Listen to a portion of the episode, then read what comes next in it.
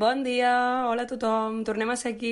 Avui ja a l'episodi 21, ja som legals als Estats Units també amb tot l'equip reunit, el Bernat, la Berta, el Bucur i jo, la Maria, i hem decidit obviar el descans dominical perquè aquí es graven els episodis els diumenges i parlarem sobre pedagogia avui, aprofitant la recent reobertura del sistema educatiu que va estar parat durant sis mesos per la pandèmia. Bernat, comença Bon dia. a obrir melons. Què? Començo De què parlem avui? De com podem pensar o com, com pensar és, de veritat, el pensament o, entre altres coses, eh, pensem en moltes coses. Mira, jo vaig començar a llegir quasi bé a mitjans de juliol un llibre que em va arribar que es va editar aquest 2020, que és del Juan Arnau, que és la història de la imaginació. Clar, quan parlem d'imaginació en el termes de Juan Arnau, en el fons també parlem de, de filosofia, però són en el fons formes de, del pensar i de com pensem nosaltres. Hi havia en la conclusió una reflexió que em va fer molta o especialment il·lusió perquè d'alguna manera posava l'accent en el gran tema, no? que això després en parlarem en el debat, però que acabava sent una mica quin espai ocupa tot allò que és aquesta filosofia abstracta. Us llegeixo res, un breu, un breu fragment i en l'Instagram us penjarem el, el fragment complet per si voleu seguir amb el debat. Però jo crec que hi havia un moment que era lúcid, que en aquest sentit deia aquellos que durante demasiado tiempo se dedican al pensamiento abstracto, los matemáticos lo saben bien, se ven asediados periódicamente por la neurosis, el insomnio y la depresión, síntomas todos ellos de quien vive en desacuerdo consigo mismo. Hay ciertas cualidades como la alegría, la empatía y la solidaridad que nunca podrán desarrollarse a partir de concepciones abstractas. Em sembla molt fort com ho està dient, però en el fons la idea és molt bàsica. I, i d'aquí acabar, que avui acabarem parlant de, de l'ensenyament propi de les escoles i de com s'ensenya en l'actualitat, em semblava una molt bona idea per, per entrar en el gran tema perquè d'alguna manera, i aquí hi ha el, el segon meló que vull obrir avui i que anirem entrant-hi, és el del llenguatge. D'alguna manera, quan estem parlant també de pensament abstracte o està parlant no, d'aquestes qualitats que han de tocar una mica de peus a terra, no? Perquè es puguin desenvolupar. Jo pensava molt també en aquest text de, de Benjamin, i ara entendreu per què arribo en aquest text de, sobre el llenguatge en general i sobre el llenguatge en los humanos, que vaig haver de treballar.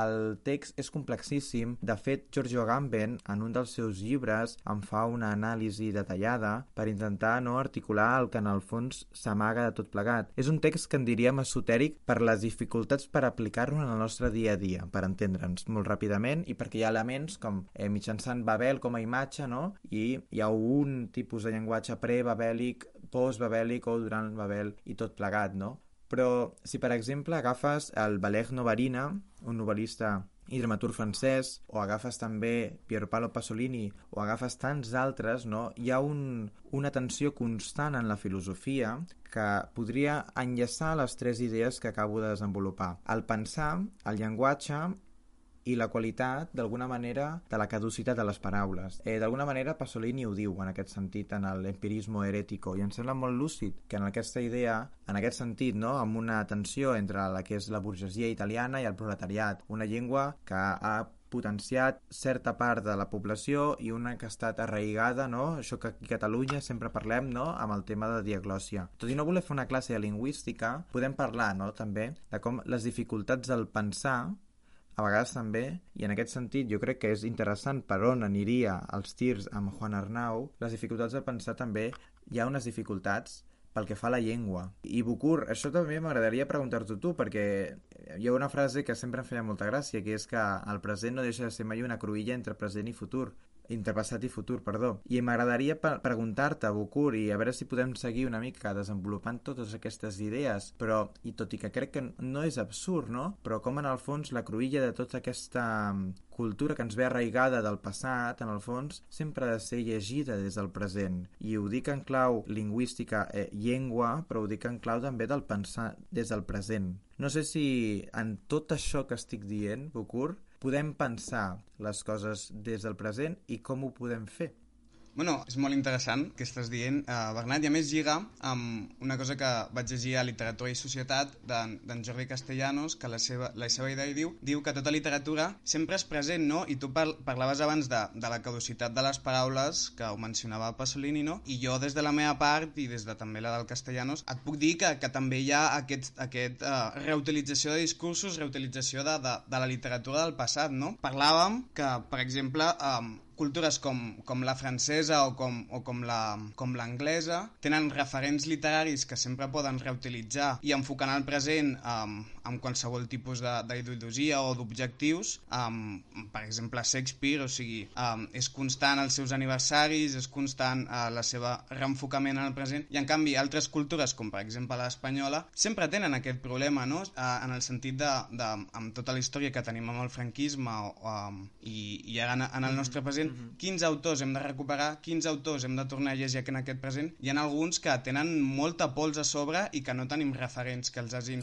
llegit abans i en canvi hi ha d'altres com per exemple el, el Calderón que sí que l'han llegit i, i, i es poden reutilitzar no? I, i també és interessant en el sentit de que moltes vegades quan llegim autors eh, d'abans més que si són molt molt antics, per exemple posem el, el, el Cervantes, per posar qualsevol exemple um, si per exemple el llegeixes a través d'un altre autor que l'ha llegit, llavors no estàs llegint purament el, el Cervantes de la seva època, sinó el Cervantes que l'ha llegit un erudit del segle XVII i llavors tu estàs llegint aquest home del segle XVII i llavors podríem entrar en aquest cicle, en aquesta repetició de que tot és una construcció, conceptualització de, del passat enfocada en el nostre present i està clar alhora que quan fas aquesta conceptualització del, del que trobem al passat per enfocar-lo al present, també ho fas amb el teu sentit, amb els teus objectius i amb la teva ideologia, no? I llavors li dones una lectura que es podria argumentar que no és del tot no, no direm objectiva, però sí parcial, no? d'agafar el que t'agrada, d'agafar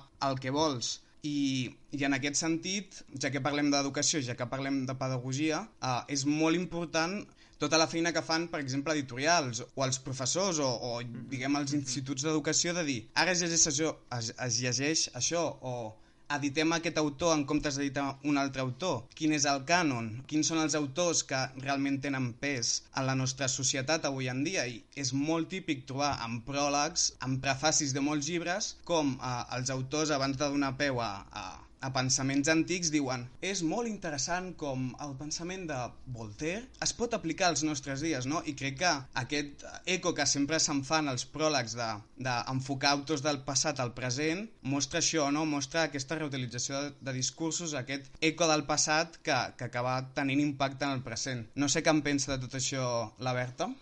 Ara tu feies menció d'aquesta reutilització, no? Uh, D'uns cànons, podríem parlar fins i tot literaris, i, i, i que parlaves també de, de cultures, i que el Bernat feia referència no, a aquesta tensió filosòfica entre el pensar, el llenguatge i la caducitat de les paraules, i tot, totes aquestes paraules no, que, que em fèieu a menció em ressonaven a, a que seria una construcció humana no? i de seguida doncs, em ve al cap el Cràtil de Plató. A Cràtil és un diàleg del pensador eh, grec on parla sobre el llenguatge i sobre la capacitat que té aquest llenguatge a l'hora d'entendre aquesta realitat. El debat no, filosòfic rau a descobrir si l'home pot conèixer a través dels noms a que designen la realitat o si per contra aquesta relació és fruit de l'atzar, convertint per tant doncs, la unió entre nom i cosa en una construcció. Finalment, no, per fer una mica de resum, Sòcrates acaba desqualificant el llenguatge com un mitjà de coneixement, ja que al final el que diu és que les coses han de ser conegudes a partir d'elles mateixes i per tant el llenguatge no és un mitjà vàlid per descobrir la realitat. Per tant, el que estem clar clarament no, veient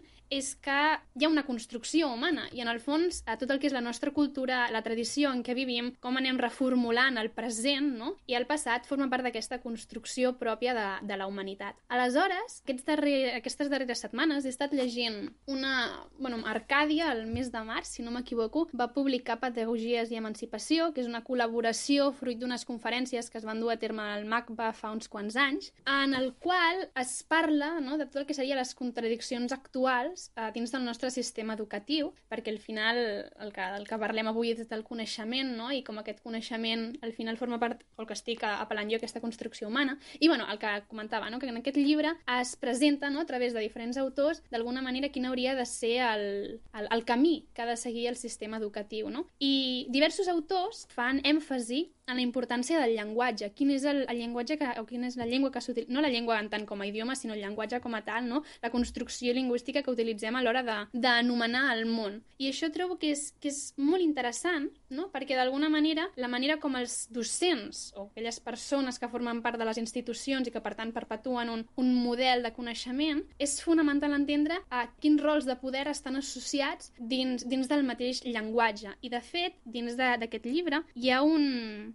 una autora que es diu Val, uh, Val Flores, que ella proposa una pedagogia queer, el sentit de poder trencar no, tot aquest sistema binari i, o el patriarcat, tot el que seria aquest sistema que ha anat perpetuant des de fa molt de temps, uh, per tal d'enfocar doncs, quin, quin model social uh, volem de cara al futur. No? I, de fet, en algun moment del llibre també es diu no, que a l'hora de, de crear el model educatiu hem de pensar, fet, això ho diria que ho tinc uh, apuntat, que és el fet de uh, un futur, és a dir, l'educació ha d'estar uh, feta de manera que hi hagi un, un, un futur que volem modelar i no que el futur ens acabi uh, modelant a nosaltres. I això ho troba molt interessant, no? I ara deixeu-me fer un afegit que apunta a nous camins per tal de que després puguem continuar aquest debat, i és el fet de que un altre tema que també és ordre del dia, no? i ara que podem parlar ja de les escoles i centrar-nos més en aquesta materialitat i per tant allunyant-nos de les abstraccions que ha començat el Bernat parlant, i és el fet de les escoles. Per tant, parlem de, del món, eh, del que és la terra, el, el món on, on habitem, i és el fet de que una qüestió que també està molt a ordre del dia, que és el fet de la innovació.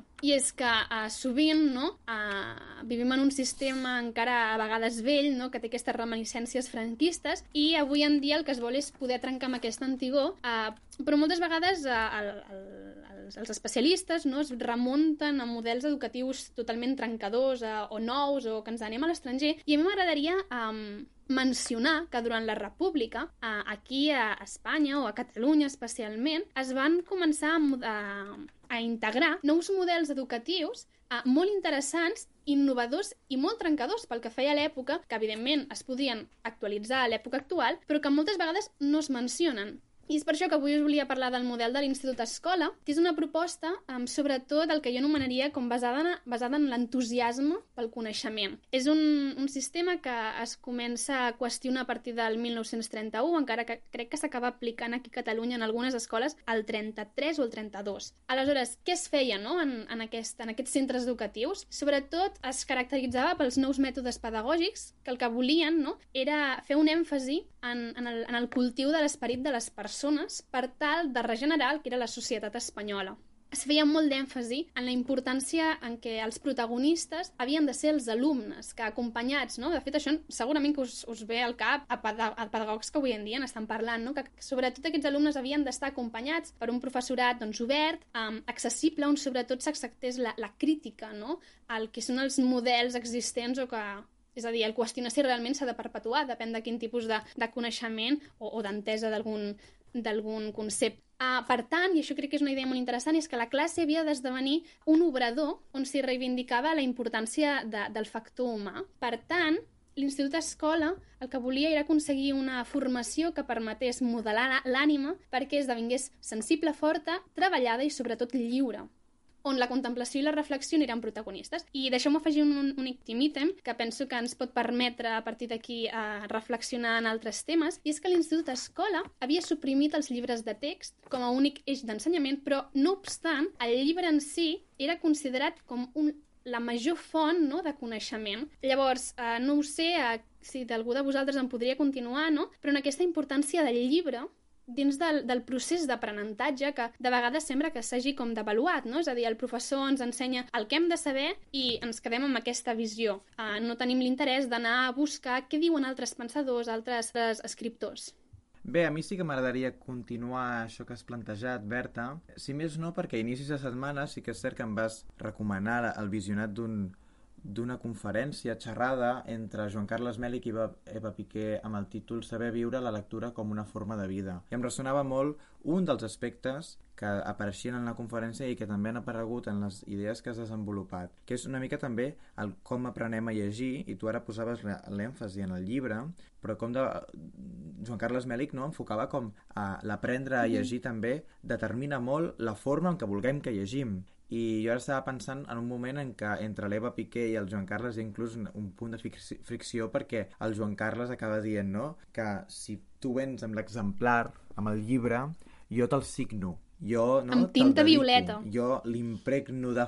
amb tinta violeta i Sí. amb fragància i amb olor. I doncs l'Eva Piqué molt encertadament li diu jo no sóc partidària dels llibres electrònics, però, Joan Carles, hi ha una cosa que potser no estàs Mhm. sacralitzant massa el llibre en paper. I això, veus, això em va bé amb tot plegat el que m'has has estat dient, perquè també em, em permet tirar una mica enrere, no?, amb la forma abrupta en la qual hem començat aquest programa avui, que hem, hem, hem parlat de crisi metafísica, crisi, no?, de com a vegades hi ha certs sentiments o certes emocions que només poden viure's des de la- des de l'actitud física i com la metafísica impedeix, parlava l'empatia, no?, la solidari solidaritat, etc. Em sembla, doncs, que la dimensió que parla el Joan Carles Meli, que la filosofia sempre ha estat pensant no? la nostra relació amb Déu, la nostra relació amb els altres i ara, recentment, la nostra relació amb els eh, animals, no? com no? també hauríem de començar a parlar de la nostra relació amb els objectes. I a tot això li podem anar sumant capes perquè jo vaig eh, trobar un text complicadíssim que crec que encara no he entès ni entendré mai de com el llenguatge, segons la psicoanàlisi, pot llegir-se com un objecte i per tant una relació d'objecte amb el llenguatge que això seria interessantíssim però jo crec que és complexíssim ara entrar en aquest jardí però tirant una mica enrere no? les dificultats que el present ens impedeix o ens dificulta per llegir a mi això em sembla molt interessant i crec que d'alguna manera el que s'estàs ens estaves comentant eh, després de la teva lectura del llibre aquest d'Arcàdia. No sé si algú més vol afegir res més, perquè crec que el Bucur també estava disparant en aquests trets quan estava assenyalant la universitat o estava assenyalant les editorials. Us deixo una mica, no?, a partir d'una mica del, del resum que hem anat fent, cap a on podríem anar tirant. Ara has dit i has dit, eh, sí que has dit que no volies entrar-hi, eh? però és que se m'ha obert la bombeta, no? Ara que comentaves això de psicoanàlisi i llenguatge, um, em recorda que, de fet, uh, dins d'aquesta conversa entre l'Eva Piqué i el Joan Carles Mèlic, no? que es parla el llibre com a teràpia, no? d'alguna manera aquesta fer èmfasi dins del món emocional a través de l'ajuda de les lectures, i ara eh, Mèlic, si no ho recordo malament, critica moltíssim no, el fet de convertir el llibre com a teràpia, però sobretot perquè jo no sé si jo ho tinc mal entès o ell, segurament sóc jo, eh? però jo recordo que ell, durant la pandèmia no, surt aquesta notícia de que ja, ja existeix una teràpia no, a través de la lectura, és a dir, tu tens mals d'amors o tens eh, una nostàlgia profunda i et recomenen llegir X llibre. Aleshores, um, i Mèlic ho critica profundament perquè diu no, no, no, perquè aquesta gent només et, re, et recomana X llibre, però en canvi t'aparta del que seria un, un fàrmac no? uh, que t'ajudi um, farmacològicament, no? Però crec que està mal entès en sentit de que crec que sí que és una ajuda. Eh, No sé què en penseu. Però, Sí. Berta, i, i donem ja pas a la Maria perquè sí que és cert que ja Sí. portem una bona estona. Tens tota la raó, però hi ha un moment divertidíssim en el debat que tu també eh, em vas eh, accentuar, que és el tipus d'ajuda que, que dona el llibre. I és una ajuda prèvia. No és Sí. una ajuda posteriori del diagnòstic, no? És una ajuda prèvia i, per tant, això em sembla superinteressant, que és dir que el llibre mai va a curar, no? I que la societat, això també ho deies tu d'alguna manera, no? Com aquesta societat d'alguna manera s'està com... Eh, ho, ho intenta tot convertir en Clar, previsible. clar, clar, clar, però evidentment si una persona ha llegit Heller. abans del llibre, um, te'l pot recomanar i et pot dir, ei, això et pot ajudar. Evidentment, i és el que comenta Mèlic, eh, que al final la lectura acaba esdevenint un viatge vers eh, el desconegut, no? perquè no saps allò que et sacsejarà, etc etc. Però malgrat tot, hi ha un coneixement previ, eh? o sigui, tampoc ens entrarem aquí a la priori i a posteriori eh, de Kant, quasi, però però penso que es, eh, es pot enfocar de múltiples maneres, però vull dir, era simplement per comentar-ho, no, sé que no tenim temps. No tenim temps, però sí que tenim temps per tu, Gràcies, Maria. home. I avui gràcies, ens vens... gràcies. Estava, Avui- ja estava pensant avui que m'havíeu vens- oblidat. No, no, no, no, i ara.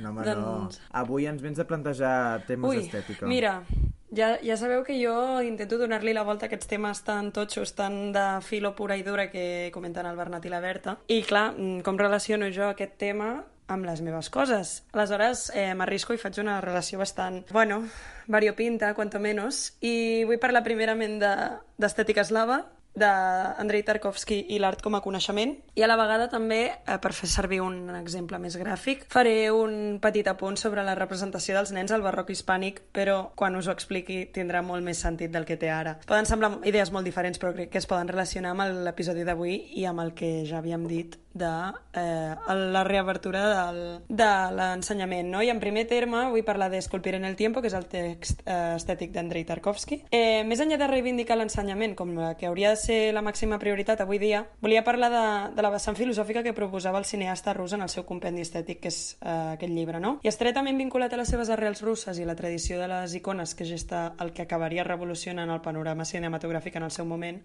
i té collons que jo parli d'això, perquè si em coneixeu sóc el menys cinèfil que existeix, o sigui, sóc l'anticrist del cinema. Però a mi Tarkovsky m'agrada molt i aquest text estètic és de lo milloret que podeu llegir, és molt fàcil de llegir i bueno, és una delícia si l'estudieu a fons, que jo vaig tenir el plaer de fer-ho l'any passat, ¿no? Y obro cita y diu la función indiscutible del arte, en mi opinión, está entrelazada a la idea de conocimiento. De aquella forma, de efecto que s'expressa com conmoción, com catarsis. Al final sí que tindrà a veure amb l'ensenyament i tot, l'art. Jo dic, bromes a banda, crec que és interessant que parla de l'art i la ciència com aquelles formes d'apropiar-se al món. I així podem fer també referència no només a l'episodi de la setmana passada, però també al que parlava la Berta de l'educació al llarg de la història. Uh, però anant una mica més enrere i anant als tallers dels artistes durant el Renaixement i el Barroc. En primer terme estaven... Bueno, l'educació d'aquests artistes estava fortament vinculada a l'edat mitjana i estava basada en les arts liberals, que eren les més nobles compreses en el trivium i el quadrivium. Eh, el trivium era la gramàtica, la retòrica i la dialèctica, i d'altra banda, el quadrivium era l'aritmètica, la geometria, l'astronomia i la música. Què passa? Tota disciplina exterior és a dir, entre elles l'art, estava exempta d'aquesta eh, dignitat o noblesa. No? Aleshores, en tant que es trobava l'art, s'al·legava que, no, que no era fruit del pensament, que, no era, que simplement era un producte mecànic manual. Aleshores, em puc posar una miqueta reivindicativa i arriscar-me a fer aquesta relació, però si la lluita del Renaixement, al barroc, va aconseguir que l'art es postulés com a producte de filosofia eh, per arribar a temps més contemporanis com els de Tarkovsky, perquè això és el segle passat, per què hauríem de seguir considerant que els nens no haurien d'anar a l'escola? Han d'anar a l'escola. I potser és fer una referència, ja et dic, molt arriscada, però el trivium i el quadrivium segueixen estant a l'ordre del dia a les escoles, però enriquides amb uns docents que viuen la mateixa realitat que aquells nens. Per tant, per aquells bueno, individus que qüestionaven si s'havien d'obrir les escoles o no. Entenc que en un context de pandèmia és, és, és complicat, però s'han de potenciar aquests sectors i és fonamental que els nens segueixin sent nens. I això vincula amb la segona part de la meva secció d'avui, que faré referència a una de les meves obres preferides, que és Niños comiendo melón y uvas de Bartolomé Esteban Murillo. Per això he triat aquesta obra per, per, per parlar de el deixar els nens que siguin nens. I és un tema polèmic, perquè és el que he dit. Hi ha qui diu que les obres eh, que obrir les escoles ha estat un error. L'error no ha estat en cap moment no privar els infants de créixer com el que són, infants. Jo crec que tots, al final, som efectes col·laterals d'una pandèmia que s'ha accesat a tothom, eh? Els nens, els pares, els docents, tothom. Però clar, Murillo em pot ajudar a parlar de que els nens han de ser nens. Uh, en el quadre s'hi veuen representat dos, dos nens menjant fruites, i pels que no estigueu familiaritzats del tot amb aquesta obra, faig un breu apunt així general, eh, data de mitjans del segle XVII, del barroc hispànic, i és una de les grans obres que es pot trobar a l'Alte Pinacotec de Munic. Està realitzada en pintura a l'oli, en unes tonalitats groguenques molt pròpies de Murillo, i no pretenc fer una anàlisi, pretenc fer-me bueno, fer servir aquesta obra com a, eh, ja us dic, evidència gràfic d'aquests nens que trenquen la cistella, que escupen els pinyols del meló, que, que, que es fan bromes entre ells, que hi ha aquesta competència que es toquen, que s'embruten. I clar, els nens d'ara, els de la pandèmia, han de ser una mica com aquests nens que pintaven Murillo. I, i crec que és fonamental recordar-ho. Aquí acaba una mica la meva secció agafada amb pinces, perquè, clar, Mm, s'ha de donar la volta, hi ha art per tot arreu, per molt que aquí es parli molt de metafísica i de filosofia, l'art està present per tot arreu i aquí estic jo per recordar-vos-ho cada episodi. Així que, no sé, no sé què en penseu vosaltres, és bastant un tema molt diferent al que ja hem parlat, però si voleu fer algun apunt, no sé. A mi m'ha semblat molt interessant, Maria.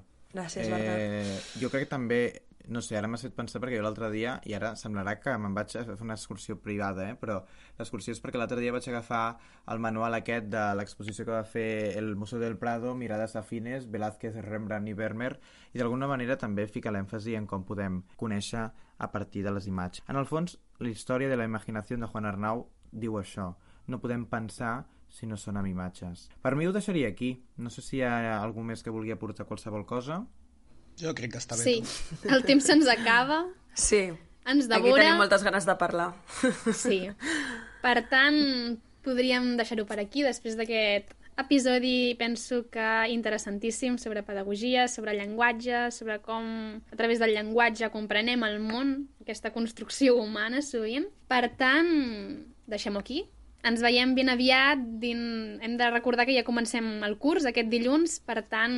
Ole, ole. Ole, ole, exacte. No sabem exactament cap a on ens derivarà, però sí, com sigui, ho farem amb molta il·lusió. Mentre mentre seguirà, exactament no sé amb quina regularitat, però uh, seguirà, seguirem en peu i seguirem parlant de filosofia, art i tot allò que està vinculat en el món de les humanitats. Fins aviat! Fins aviat! Fins aviat. Que vagi bé.